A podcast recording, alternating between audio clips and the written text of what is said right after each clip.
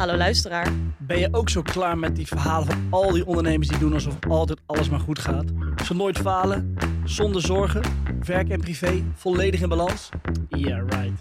Wij in ieder geval wel. Dus daarom laten wij een keer de andere kant zien. De persoonlijke kant. Met eerlijke verhalen. Dit is een podcast die een keer niet gaat over successen. Maar waarover dan wel? We gaan het hebben over de echte uitdagingen van ondernemers. De rauwe kant van het ondernemerschap. De persoonlijke kant. Over uitdagingen, twijfels en struggles. En nog belangrijker, hoe overwin je die eigenlijk? En dat doen we met echte ondernemers.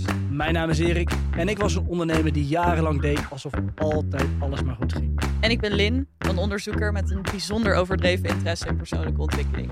Dit is Startup Struggles, de podcast.